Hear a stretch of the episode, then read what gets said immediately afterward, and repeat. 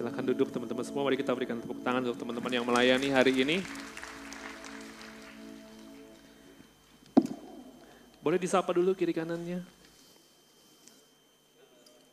Kalau belum menyapa, ada kasih karunia untuk kita semua, amin. Bilang kiri kanannya ada kasih karunia untukmu. Apa pun keadaanmu hari ini ada kasih karunia Tuhan untukmu. Hari ini kita sudah masuk ke minggu yang keempat dari serangkaian khotbah kita tentang siapakah Yesus. Ya, hari ini kita masuk yang keempat. Judulnya adalah kita boleh lihat dulu ya, mungkin selama kita selama dua bulan ini ya, boleh di back Inilah yang kita belajar dari minggu yang pertama, kita belajar tentang Yesus adalah aku. Ya, kita belajar tentang mengenal siapa Allah itu di minggu yang pertama. Kemudian minggu yang kedua kita belajar Yesus adalah roti hidup. Minggu lalu kita belajar tentang Yesus adalah terang dunia. Nah, hari ini kita akan belajar Yesus adalah pintu untuk domba-domba. Dan ini akan khotbah yang berlanjut ke minggu depan. Kak David akan lanjutin minggu depan.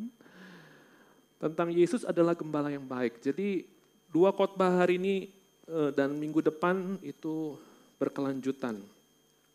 Nah kalau kita melihat tentang ini semua, siapakah itu Yesus? Sebetulnya Yesus adalah roti, Yesus adalah terang, Yesus adalah pintu. Ini semua adalah hal-hal yang esensi dalam kehidupan kita yang dinyatakan oleh Yesus karena hal-hal ini semua tentu kita perlukan dalam kehidupan kita. Hari ini kita belajar tentang Yesus adalah pintu daripada domba-domba. Dan dia ngomong Yohanes 10 ayat 10, aku adalah pintu, dia bilang. Nah ini memang yang paling unik, karena Yesus bilang aku adalah pintu. Lucu ya, kalau terang oke okay lah ya, kalau roti oke okay lah. Kalau kebangkitan hidup, jauh lebih keren lagi. Jalan kebenaran dan hidup, hari ini aku adalah pintu. Teman-teman semua punya pintu ya di rumah ya? Ada yang rumahnya nggak ada pintu? Semua punya pintu. Setiap hari lewat pintu, semua orang lewat pintu. Ada yang teman-teman keluar dari rumah lewat jendela? Ada yang masuk rumah malam-malam lewat jendela? Ada yang masuk rumah lewat atap? Karena orang yang masuk atau keluar tidak melewati pintu, kemungkinan besar dialah orang yang punya motivasi hati yang lain, betul? Kecuali nggak bawa kunci rumah, mau nggak mau lewat jendela. Atau hilang kunci rumah, bisa masuk lewat jendela. Tapi itu tidak wajar, betul ya? Tetapi semua orang yang wajar, semua orang yang hidup normal, masuk lewat pintu.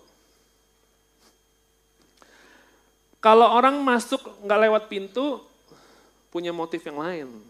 Makanya pencuri kebanyakan tidak masuk lewat pintu. Kebanyakan, kecuali pintunya tidak dikunci. Ya kan? Kejahatan terjadi bukan hanya karena ada niat pelakunya, tetapi juga karena ada kesempatan. Yang tahu statement ini yang jadul-jadul. Karena dulu ada apa acara-acara TV kriminal-kriminal gitu. Terus belakangnya dia bilang gini, waspadalah, waspadalah. Karena kalau nggak waspada ada malik masuk. Ketika Yesus ngomongin tentang ia dirinya adalah pintu, Alkitab mau bilang begini bahwa setiap orang yang tidak melewati Yesus sebagai pintu, pasti adalah orang-orang yang mungkin menyimpang, mungkin tidak benar. Karena semua orang yang benar masuk lewat pintu. Dan ketika Yesus menyatakan dirinya, saya adalah pintu, Yesus sedang mau kasih dasar dalam kehidupan kita bahwa setiap kehidupan kita perlu melalui Yesus. Dan di luar daripada Yesus adalah sebuah kesalahan. Makanya Yesus menyatakan dirinya sebagai pintu. Karena kalau enggak masuk melalui Yesus, pasti ada kesalahan dalam hidupmu. Makanya ini statement yang dibuka untuk khotbah hari ini. Tanpa menjadikan Injil Yesus Kristus sebagai dasar kehidupan kita, apa yang kita pikir adalah sebuah kesalehan justru ternyata dilihat menjadi sebuah kesalahan di mata Tuhan. Karena kesalehan tanpa dasar yang benar adalah sebuah kesalahan. Jadi kita bisa masuk rumah lewat mana saja. Mungkin sah-sah saja kalau nggak lewat pintu. Tetapi waktu Yesus mengatakan dirinya adalah pintu, dia adalah kebenaran yang perlu dilewati. Kita perlu menjadikan Yesus sebagai dasar kehidupan kita yang kita perlu jalani, kita perlu lewati bersama dengan Dia. Dan kalau kita berpikir bahwa tanpa Yesus kita masih bisa melakukan hal-hal yang lain yang baik dan yang benar, tanpa Yesus, sesungguhnya itu adalah sebuah kesalahan di mata Tuhan. Walaupun yang kita lakukan mungkin itu benar. Tapi tanpa dasarnya adalah Yesus, itu sebuah kesalahan di mata Tuhan. Karena kesalehan tanpa dasar yang benar adalah sebuah kesalahan. Kita bisa melayani, tapi kalau dasar pelayanan kita bukan Yesus, itu adalah kesalahan di mata Tuhan. Kita bisa beribadah, datang beribadah, tapi kalau dasarnya bukan karena Yesus, itu sebuah kesalahan di mata Tuhan. Kita bisa melakukan hal-hal yang lain yang mungkin terlihat baik dan benar, tapi kalau dasarnya bukan Yesus adalah sebuah kesalahan di mata Tuhan. Mari kita berdoa sekali lagi. Bapa dalam kerajaan surga, terima kasih untuk anugerah yang kau curahkan setiap hari dari waktu ke waktu dan kembali hari ini kami diundang beribadah untuk Engkau memperdengarkan suaramu di dalam pribadi Yesus Kristus yang telah membuktikan kasihnya dengan mati dan bangkit bagi kami. Supaya Engkau dapat menjadi pintu masuk kami dalam kerajaanmu. Roh Kudus buatlah kami mengerti seluruh kebenaran ini sesuai dengan pekerjaan ilahi yang Kau kerjakan dalam diri kami. Biarkan kehidupan Kristus boleh ada dalam kehidupan kami, sehingga membawa kami ke dalam kemajuan-kemajuan rohani. Dalam nama Yesus kami berdoa. Amin. Kita akan belajar dari Yohanes 10 ayat 1 sampai ke 10. Dan sebetulnya pasal ini itu cukup rumit kalau langsung dimengerti. Di dalam Yohanes 10 ayat 1 sampai 3 di bagian yang awal Yesus menjelaskan tentang dirinya sebagai pintu. Dan di ayat berikut-berikutnya Yesus menjelaskan dirinya sebagai gembala. Jadi kalau teman-teman membaca ayat ini, ada Yesus sebagai pintu, Yesus sebagai gembala, pintunya Yesus, gembalanya Yesus. Nanti dombanya kita. Wah, nanti teman-teman campur aduk jadi susah So, mengerti ya? Jadi tidak selalu dalam satu perikop ini kita uh, mentafsirkan, oh ini pasti begini, ini pasti begini, ini Yesus apa segala macam gitu ya. Nanti kita akan belajar. Tetapi Yesus sebetulnya sedang menjelaskan dirinya dalam beberapa sudut pandang. Karena kalau teman baca ayat ini, satu perikop ini, tanpa mengerti Yesus ngomong dari berbagai sudut pandang, nanti teman-teman bingung. Akulah pintu, akulah gembala. Jadi Yesus pintu, akulah gembala, Yesus juga gembala. Nanti dijelaskan gembala itu selalu ada di depan pintu. Jadi Yesus ada di depan Yesus. Jadi nanti kacau gitu cara cara e, menafsirnya. Jadi aku ngomong di awal supaya teman-teman tidak jadi bingung karena itu. Oke? Nanti Yesus juga jalan, dia udah pintu jalan lagi. Jadi gembala di depan pintu, Yesus di depan pintu, di belakang pintu ada Yesus lagi. Jadi kacau nanti penafsirannya. Nah tetapi ini semua perlu dilihat dari berbagai sudut pandang. Dan ayat ini sebetulnya adalah penggenapan daripada perjanjian lama, di mana Yehezkiel memberikan kepada bangsa Israel sebuah janji, di mana suatu saat nanti ada seorang nabi, ya sorry, Nabi Yehezkiel ini sedang mengecam pemimpin-pemimpin Israel pada saat itu yang memimpin dengan jahat, dan dia berjanji bahwa suatu saat nanti akan ada pribadi yang datang dengan memimpin seperti seorang gembala.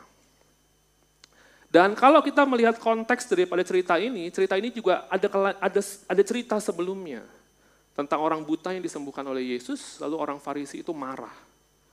Nah, mari kita memulai cerita ini dalam Yohanes 10 ayat 1. Aku berkata kepadamu, sesungguhnya siapa yang masuk ke dalam kandang domba dengan tidak melalui pintu, tetapi dengan memanjat tembok, ia adalah seorang pencuri dan seorang perampok. Tetapi siapa yang masuk melalui pintu, ia adalah gembala domba. Nah, teman mesti tahu ceritanya dulu, konteksnya. Pada zaman itu, gembala pada malam hari sering kali mengumpulkan domba-domba itu masuk ke dalam kandang untuk melindungi mereka daripada pencuri. Ya bukan hanya pencuri, tapi cuaca buruk, binatang buas. Dan kandang domba bisa berupa banyak seperti gua gitu ya, ataupun area terbuka yang dibuat tembok setinggi 3 meter ke atas. Jadi kalau 3 meter ke atas itu seperti rumahmu, lantai satunya, ya kurang lebih. Jadi untuk domba-domba itu kandangnya saja pin, eh, temboknya tinggi ke atas. Dan hanya ada satu pintu masuk untuk memudahkan gembala menjaga kawanannya. Jadi tembok 3 meter, satu pintu masuk, gembala jaga di depan. Kalau pintunya banyak, nanti domba bisa keluar-keluar dari pintu yang lain, gitu ya. Dan ada beberapa tempat yang beberapa pemilik domba-domba menaruh domba-dombanya dalam satu kandang yang sama. Jadi misalnya aku punya domba, Kak David punya domba, Kak Joy punya domba, ya. Kita punya banyak domba, kita titip satu kandang yang sama. Tetapi tidak perlu takut, ketukar dombanya yang mana. Kalau teman-teman piara ikan, teman bisa tahu nggak ikannya yang mana nih? Ikannya sama, warnanya sama, satu akuarium teman bisa bedain nggak ya? Kemungkinan nggak bisa. Nah ini domba kan mukanya sama semua ya, benar-benar nggak?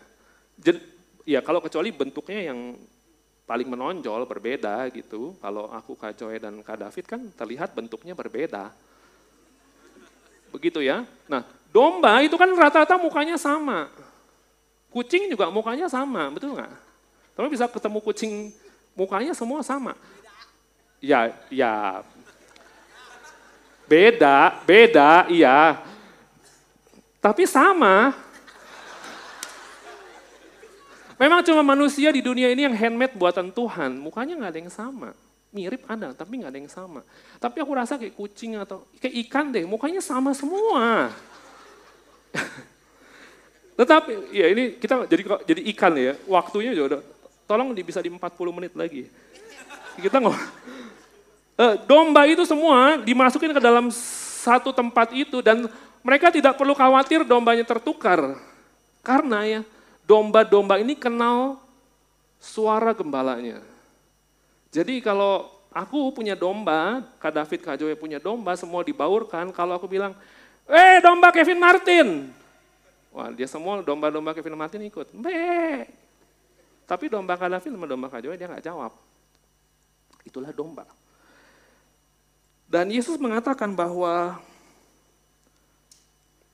Pintu ini menggambarkan tentang Mesias. Waktu dia bilang, ada domba-domba yang di sebuah kandang, dan pintu itu hanyalah satu. Pintu ini menggambarkan tentang Yesus. Karena selanjutnya Yesus berkata seorang gembala masuk melalui gerbang. Nah, di ayat ini Yesus pertama kali bahas tentang dirinya adalah pintu. Berikutnya Yesus bilang, aku adalah gembala. Jadi yang mana yang benar? Karena gembala duduk di depan pintu, Yesus duduk di, depan, Yesus duduk di depan Yesus dan sebagainya jadi aneh. Tetapi dia sedang mau ngomong bahwa hanya ada satu jalan masuk, yaitu melalui Yesus. Dan kenapa Yesus ngomong hanya ada satu jalan masuk? Dan kenapa Yesus ngomong hanya ada satu gembala, yaitu Yesus? Karena Yesus sebetulnya sedang menyindir orang-orang Farisi yang dicerita sebelumnya, berargumen dengan Yesus tentang ketika Yesus menyembuhkan seorang yang buta. Dan orang yang buta ini menjadi percaya kepada Yesus, lalu orang Farisi ini menghalangi orang buta ini untuk benar-benar percaya kepada Yesus. Nanti teman bisa baca ceritanya sendiri. Ketika Yesus melihat orang Farisi ini menjadi pemimpin yang jahat, yang menghalangi orang mengenal Yesus, Yesus menyindir mereka. Yesus menegur mereka dengan mengatakan, saya adalah pintu itu. Dan saya adalah gembala yang baik itu. Kalau kita melihat di awal ketika ayat ini berkata, siapa yang, sorry, Ayat yang satu bilang begini, aku berkata kepadamu, sesungguhnya siapa yang masuk ke dalam kandang domba dengan tidak melalui pintu, tetapi dengan memanjat tembok, ia adalah seorang pencuri dan seorang perampok.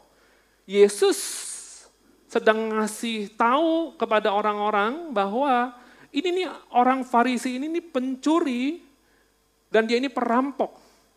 Karena dia menghalangi domba-domba Tuhan untuk kembali kepada Tuhan. Karena dia menghalangi domba-domba Tuhan untuk mengenal Tuhan. Dia merebut domba-domba Tuhan daripada Tuhan.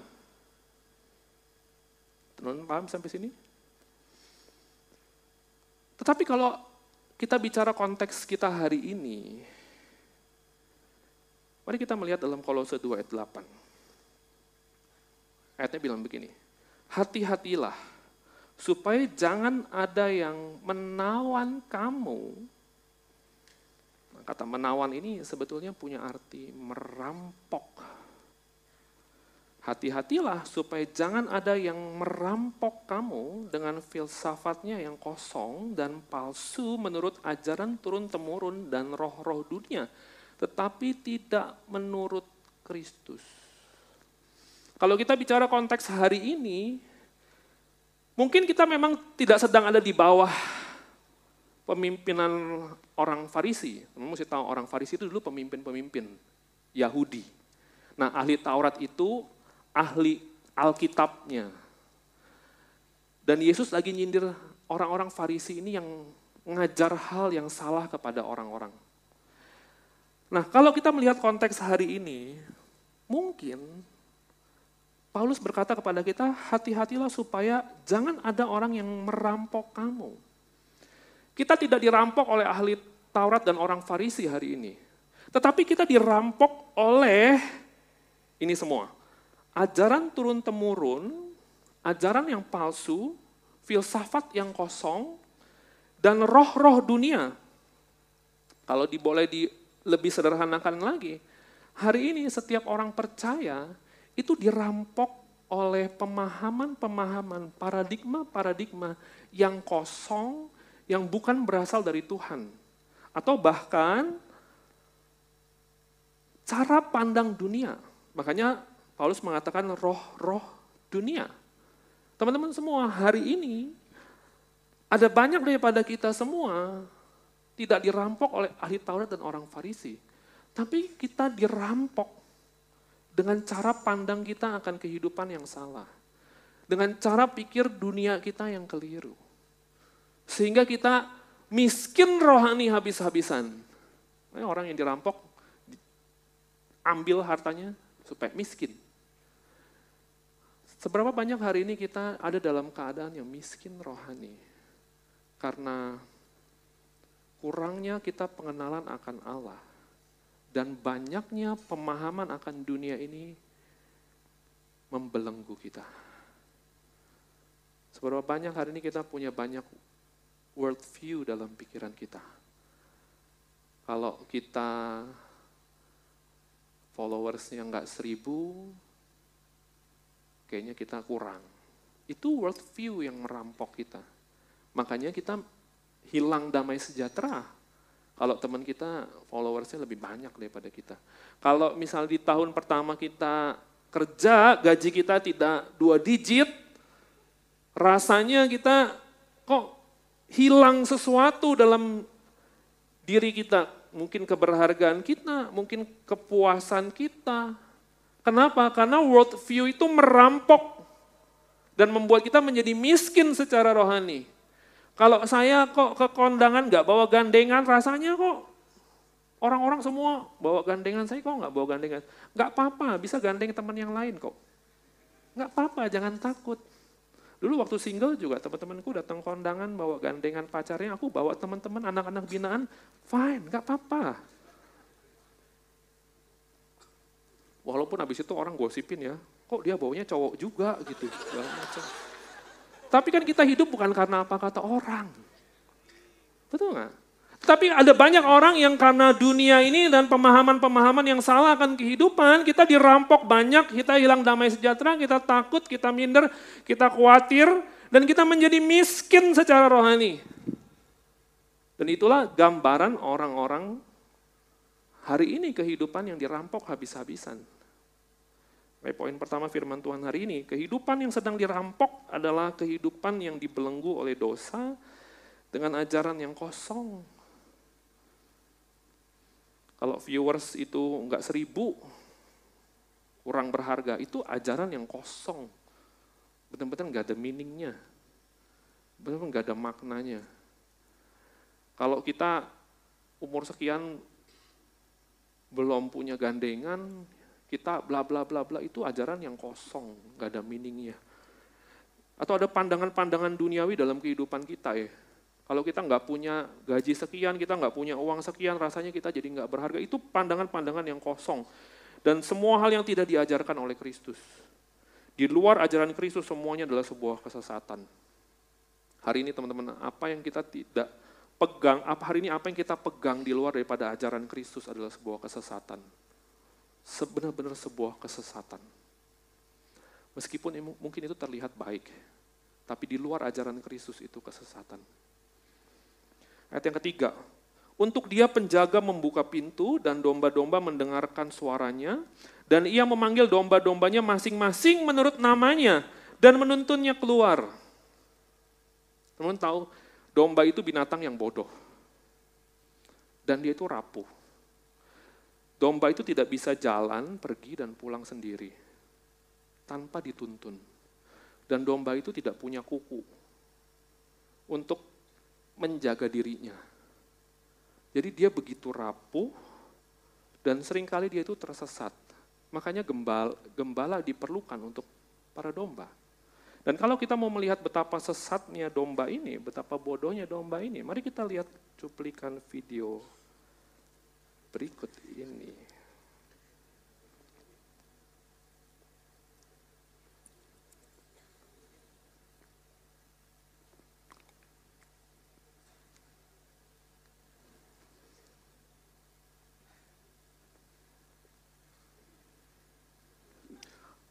Tolong waktunya di pause.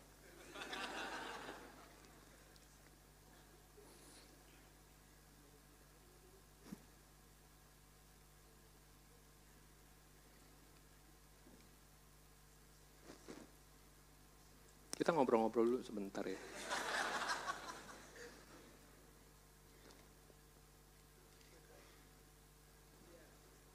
Ini bukan dombanya. Tolong ya.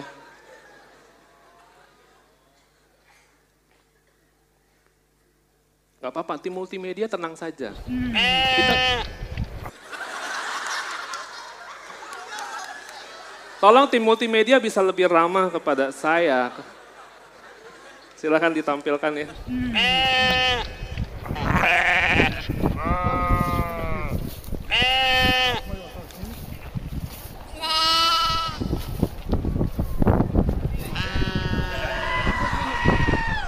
С этой стороны, против солнца.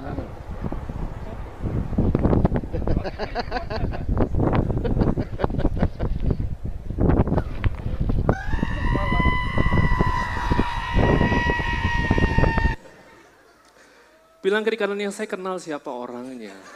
Saya kenal siapa dombanya. Yang hari ini habis cerita sama pemuridnya, Kak saya jatuh. Oke bangkit, oke kak. Kita luar biasa hidup dalam Tuhan. Tiga jam kemudian dia chat lagi, saya jatuh lagi kak. Hmm? Jatuh dosa apa? Yang tadi kak sama.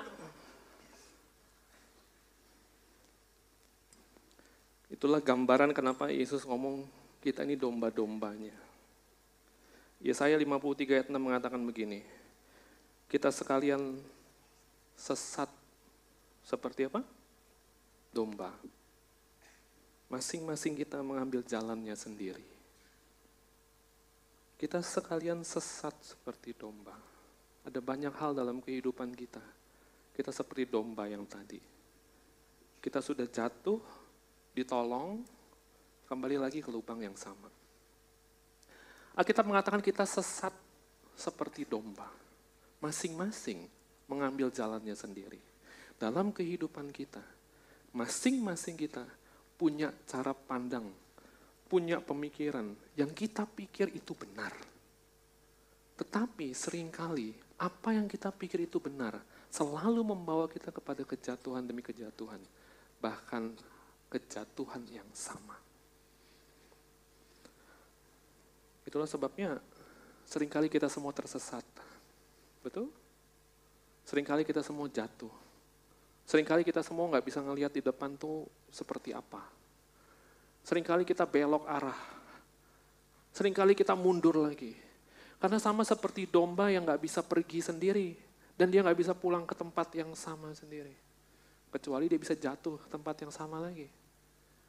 Oleh sebab itu dia butuh seorang yang namanya gembala. Ayat ini mengatakan begini, untuk dia penjaga membuka pintu dan domba-domba mendengarkan suaranya dan ia memanggil domba-dombanya masing-masing menurut namanya dan menuntunnya keluar. Siapakah itu? Dialah gembala yang baik. Yesus, dialah yang mengenal domba-dombanya. Masing-masing dia kenal. Bahkan dia bilang ini, menurut namanya. Yesus adalah pribadi yang mengenal engkau. Masing-masing engkau. Dan bahkan dia menuntun kita masing-masing. Makanya hari ini teman-teman jangan pernah bandingin proses hidupmu dengan orang lain. Jangan pernah bandingin cerita hidupmu dengan cerita orang. Karena sebetulnya Tuhan menuntut engkau masing-masing. Karena dia mengenal engkau. Hari ini mungkin temanmu sudah punya ini, Mungkin kau nggak punya ini. Mungkin temanmu begini, engkau nggak begini. Teman-teman, Yesus mengenalmu. Dia tahu apa yang kau perlukan. Dia tahu bagaimana harus memperlakukanmu. Dia tahu bagaimana harus membawamu kepada satu jalan kepada jalan yang lain. Karena dia sungguh-sungguh mengenal engkau dan dia mengasihi engkau. Dan kata mengenal ketika dia bilang gembala ini mengenal domba-dombanya, menunjukkan sebuah hubungan, sebuah relasi. Sebagaimana Tuhan mengenal kita, dia mengasihi kita. Dan karena dia mengasihi kita, dia ingin menuntun kita. Ayat yang keempat, jika semua dombanya telah dibawanya keluar, ia berjalan di depan mereka, dan domba-domba itu mengikuti dia, karena mereka mengenal suaranya.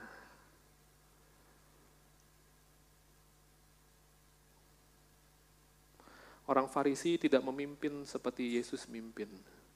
Orang Farisi mimpin dengan membawa ketakutan kepada orang-orang. Kalau kamu nggak taat, kamu begini. Kalau kamu nggak taat, kamu begini. Tapi Yesus memimpin dengan penuh kasih. Dengan dia mengenal domba-dombanya. Sepersonal itu dia sama setiap anak-anaknya. Sama setiap domba-dombanya. Dan ayatnya bilang begini, jika semua dombanya telah dibawanya keluar, ia berjalan di depan mereka.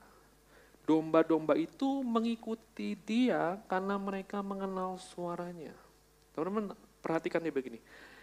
Domba-domba itu mengikuti dia karena mereka mengenal suaranya.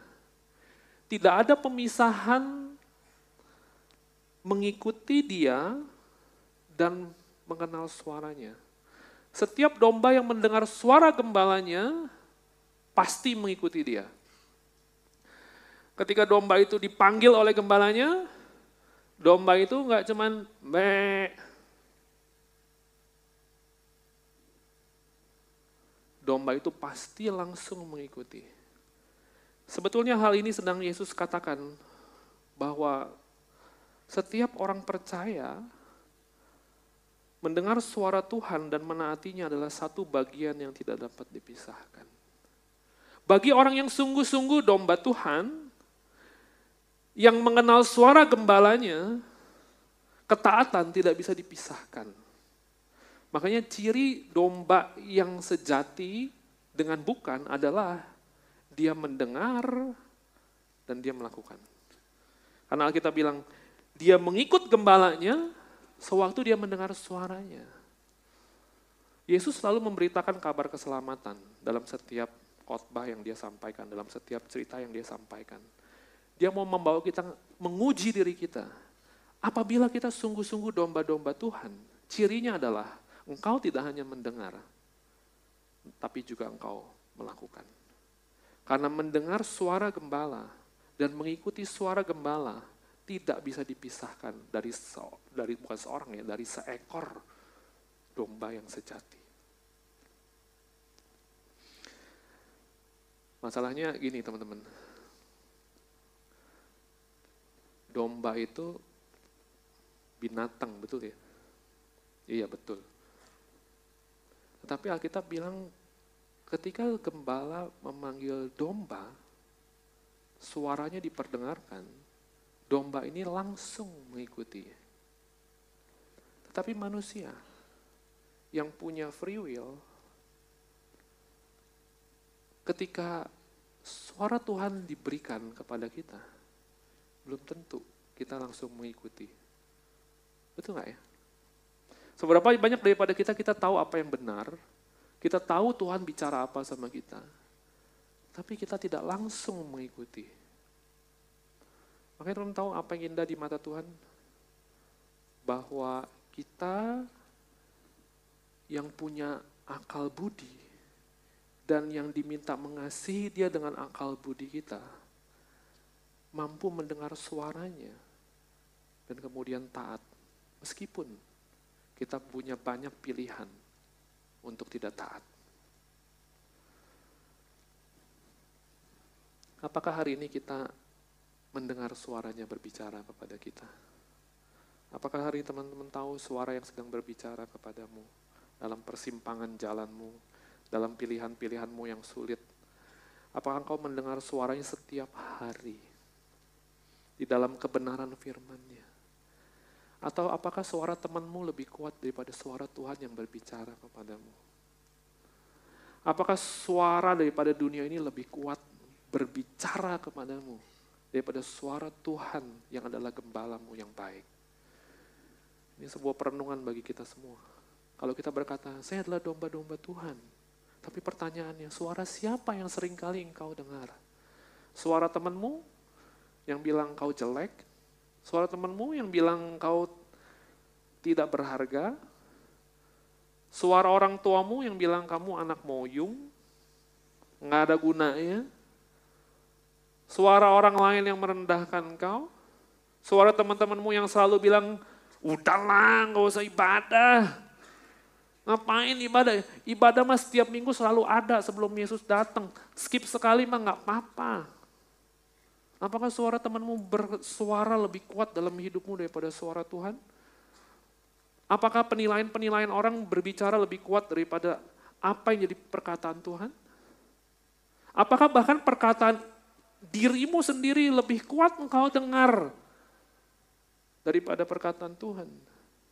Ah, saya emang nggak bisa lah. Ah, saya emang nggak nggak cocok lah. Ah, saya emang nggak sepenting itulah. Teman saya itu lebih penting, pemimpin lebih lihat dia, saya emang gak sepenting itulah. Mungkin itu perkataan-perkataan kita yang lebih kuat kita dengar. Tapi hari ini teman-teman semua, kalau kita adalah domba-dombanya, izinkan kita mendengar suaranya. Karena kita mengatakan begini, semua domba-domba Tuhan mengenal suara gembalanya. dan mereka mengikuti gembalanya. Hari ini adakah kita mendengar suaranya? Atau teman-teman ada, ada di tempat ini yang kau sudah lama nggak pernah mendengar suara Tuhan berbicara. Hari ini izinkan Tuhan memulihkan kita. Untuk dia memperdengarkan suaranya kepada kita dan kita menyambutnya. Dan kita berespon.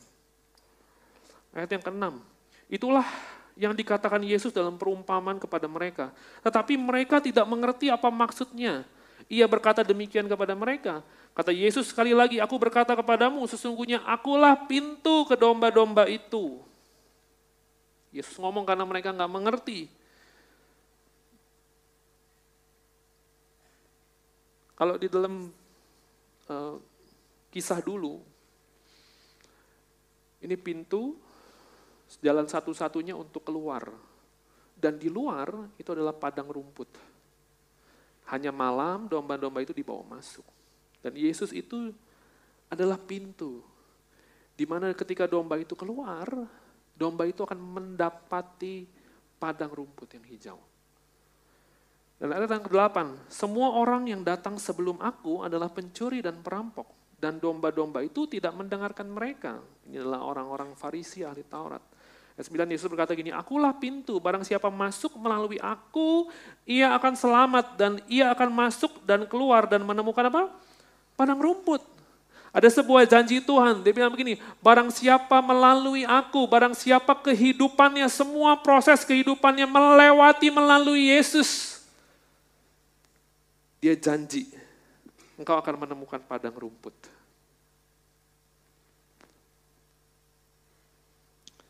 Adakah hari ini semua proses dalam kehidupan kita, kita ada di dalam Yesus. Kalau teman membaca ayat-ayat berikutnya, Yesus bukan hanya ngomong akulah pintu. Dia juga bilang akulah jalan. Ketika kita melewati Yesus, ketika kita percaya kepada Yesus, dia bukan hanya pintu yang kita lewat, bye. Tapi dia juga bilang dia itu jalan hidup kita. Sepanjang apa jalannya? Sepanjang jalan kehidupan kita. Waktu dia ngomong akulah pintu, akulah jalan, kebenaran dan hidup. Dia mau ngomong begini, masuklah, percayalah kepadaku, dan berjalanlah di dalam kepercayaan akan aku sepanjang hidupmu. Itulah yang Yesus lagi mau undang kepada kita semua. Kalau kita domba-dombanya, percayalah kepada Yesus. Dan jalanlah bersama dengan dia. Hari ini seberapa banyak kita jalan menurut jalan kita sendiri.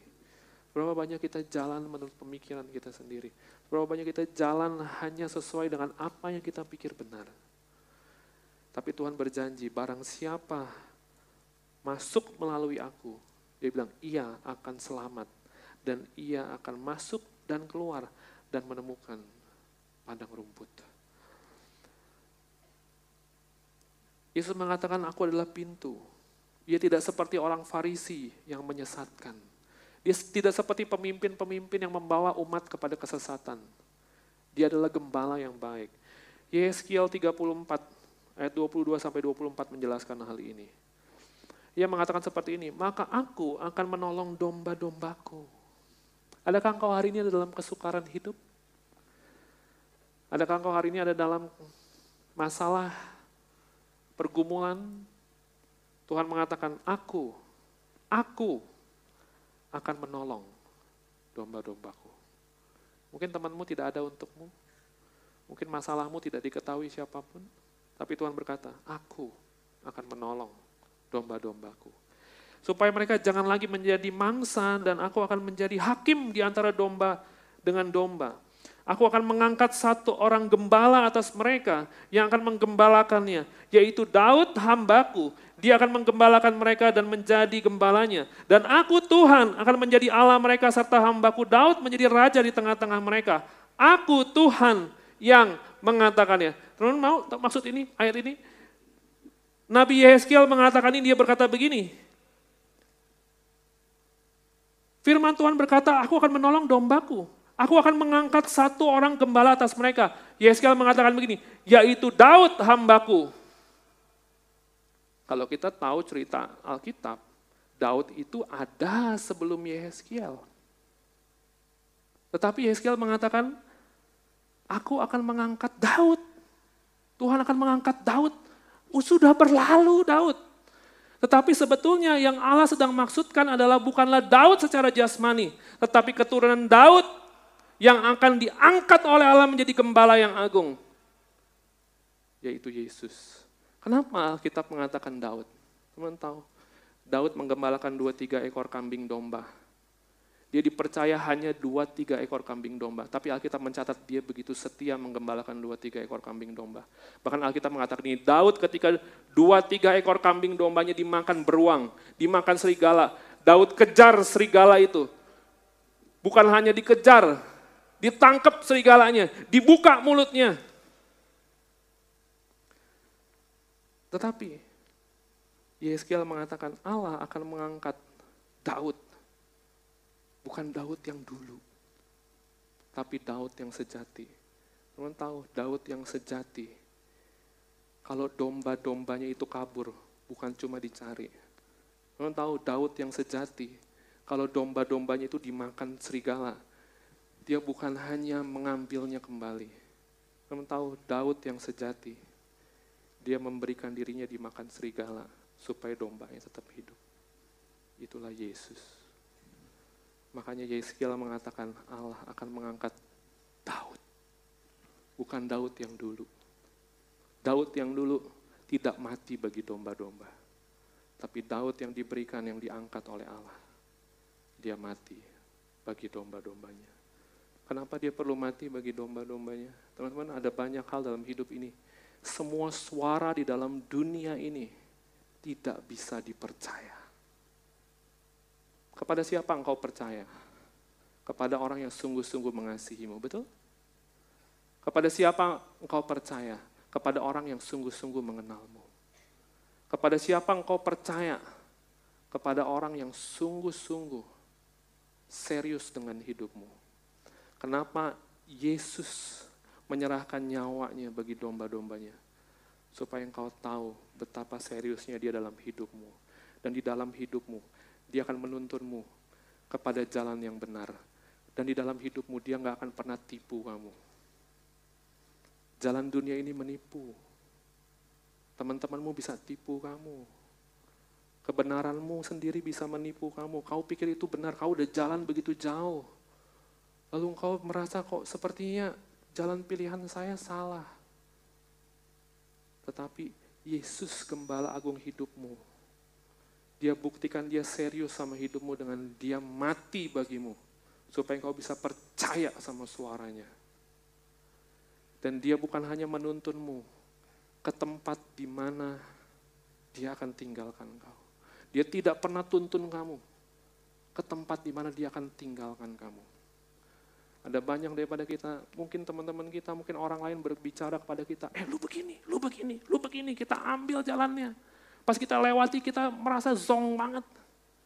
Kok salah ya? Lalu kita melihat ke belakang, mana nih teman gua nih yang kemarin bilang begini, begini, begini, dia udah nggak ada.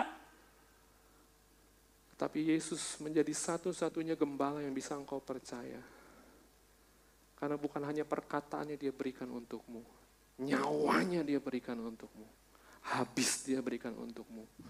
Apalagi yang kau butuhkan untuk percaya kepada dia selain kau tahu dia sudah mati bagimu. Itulah yang dia berikan untuk kita.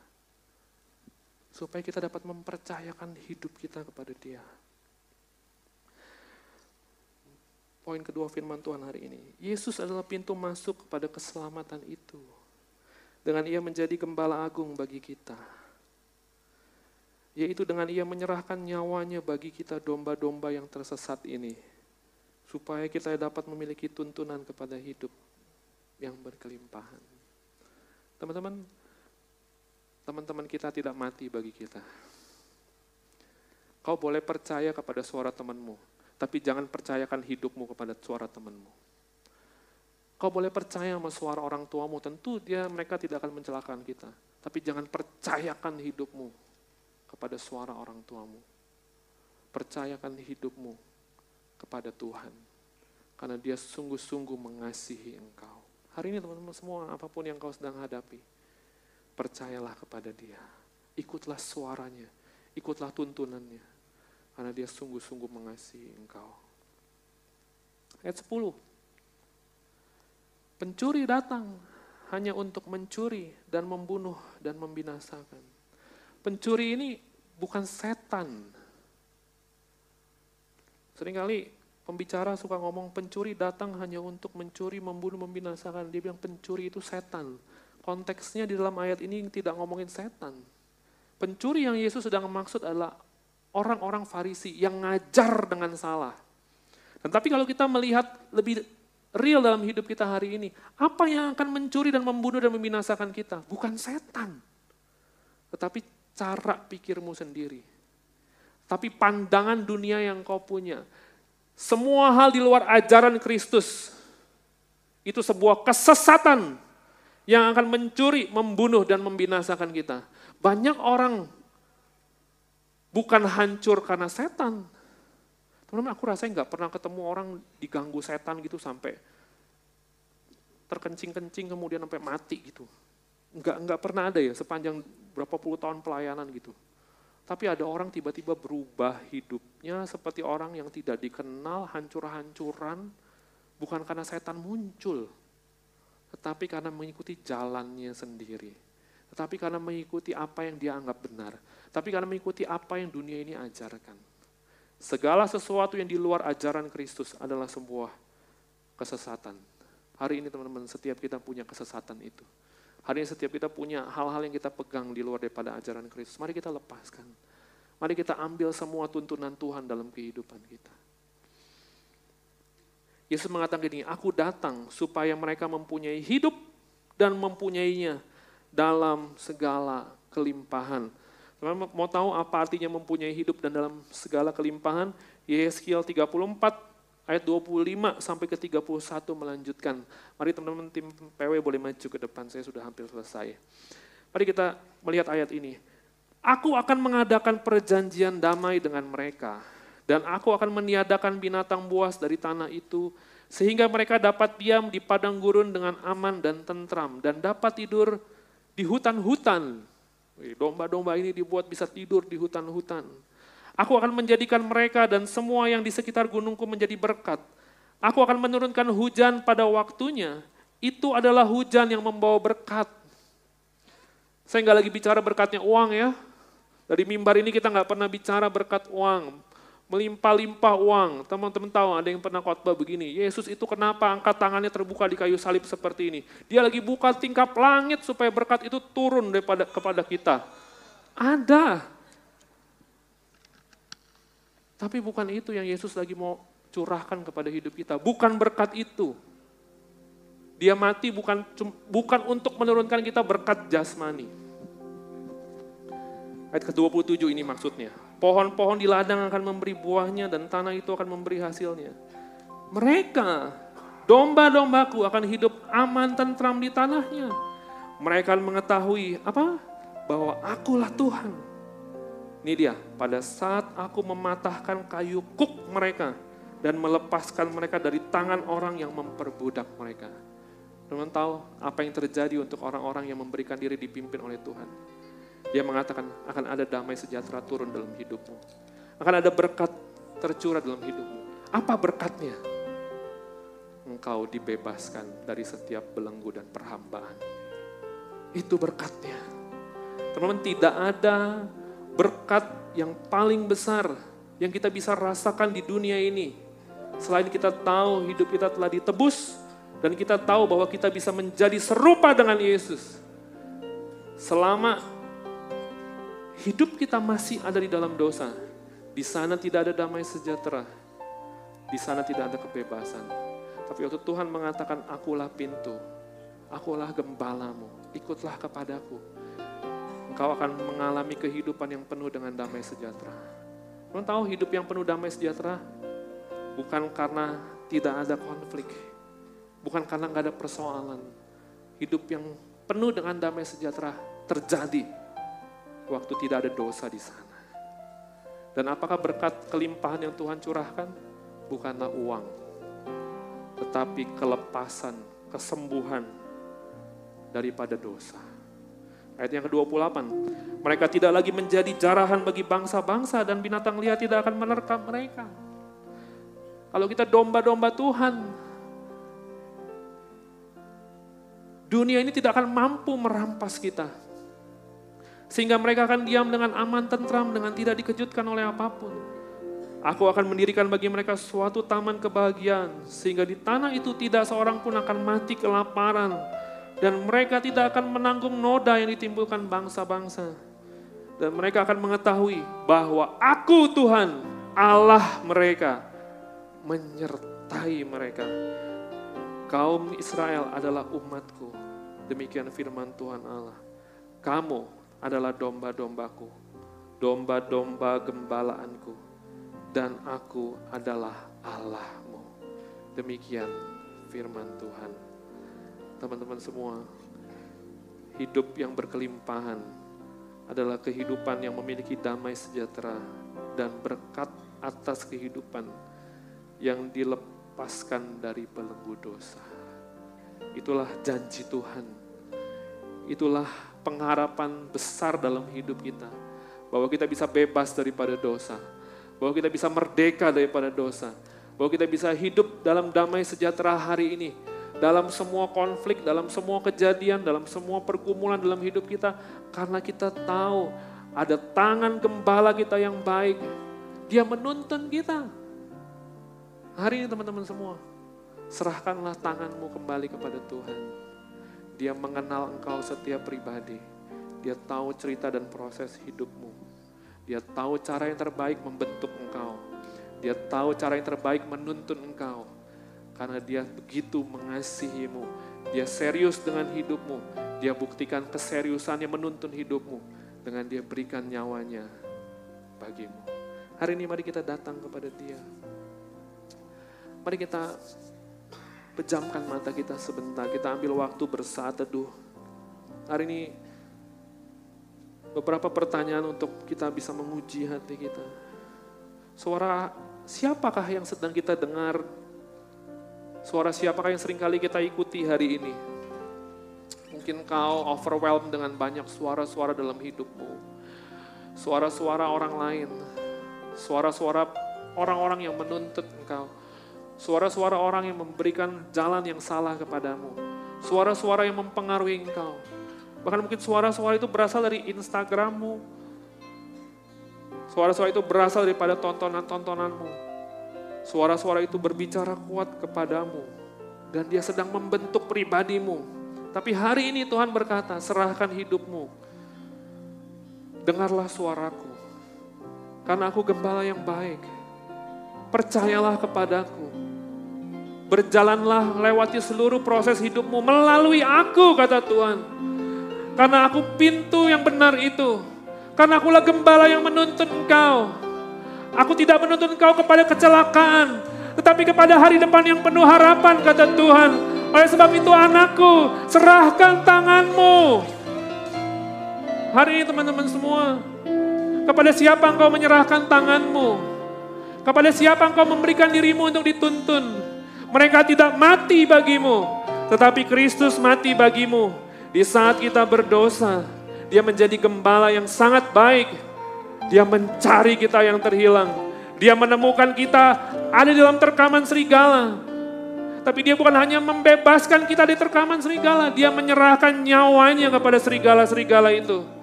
Supaya kita yang percaya kepadanya tidak binasa. Mainkan kita beroleh hidup yang kekal. Dan oleh karenanya kita bisa mempercayakan diri kita kepada dia. Mari kita bawa hati kita kepada Tuhan. Mari kita datang kepada Dia. Terima kasih Tuhan.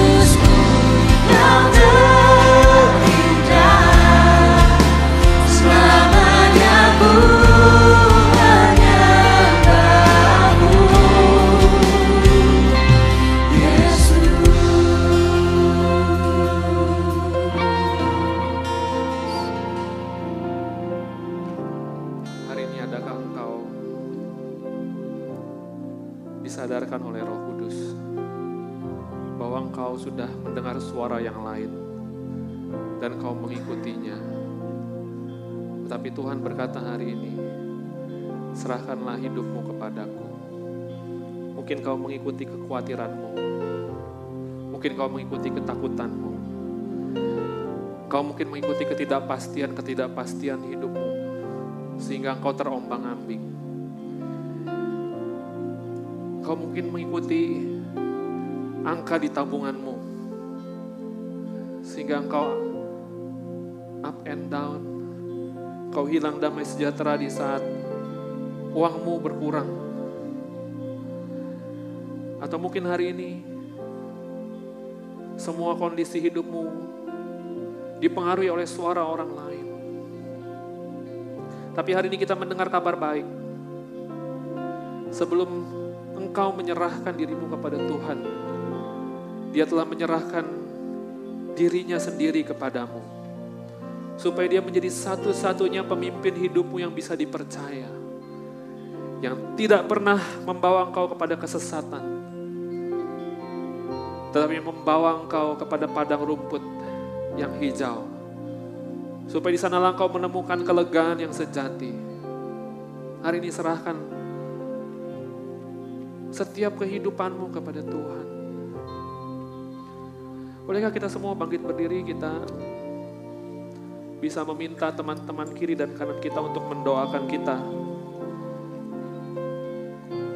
Kalau engkau tahu ada banyak hal yang roh kudus nyatakan kepadamu untuk kau serahkan, untuk kau lepaskan. Mari kita bisa saling menolong, kita menghampiri saudara-saudara kanan dan kiri kita kita bisa minta mereka doakan kita. Kau yang mau berdoa sendiri juga nggak masalah. Tapi mari kita saling mendoakan, kita saling melayani saat ini. Kalau ada hal-hal yang Tuhan nyatakan kepada kita, penyerahan-penyerahan yang Tuhan mau kita lakukan. Mari kita saling mendoakan, kita saling melayani. Mungkin ada banyak ketidakpastian, ada banyak keraguan akan hari esok, ada banyak goncangan. Masa depan yang tidak pasti. Tetapi kata Tuhan, akulah gembala yang baik. Aku menuntut kau kepada kehidupan, kepada kelimpahan, kepada kebebasan yang sejati, kepada kelegaan yang sejati. Aku adalah aku, kata Tuhan. Aku ada untukmu hari ini. Aku ada untukmu besok. Akulah gembala yang baik, kata Tuhan. Aku tidak pernah meninggalkanmu. Aku tidak menuntun kau ke tempat di mana aku akan meninggalkan kau. Aku ada hari ini. Selamanya aku ada untukmu. Terima kasih Tuhan. Terima kasih Tuhan.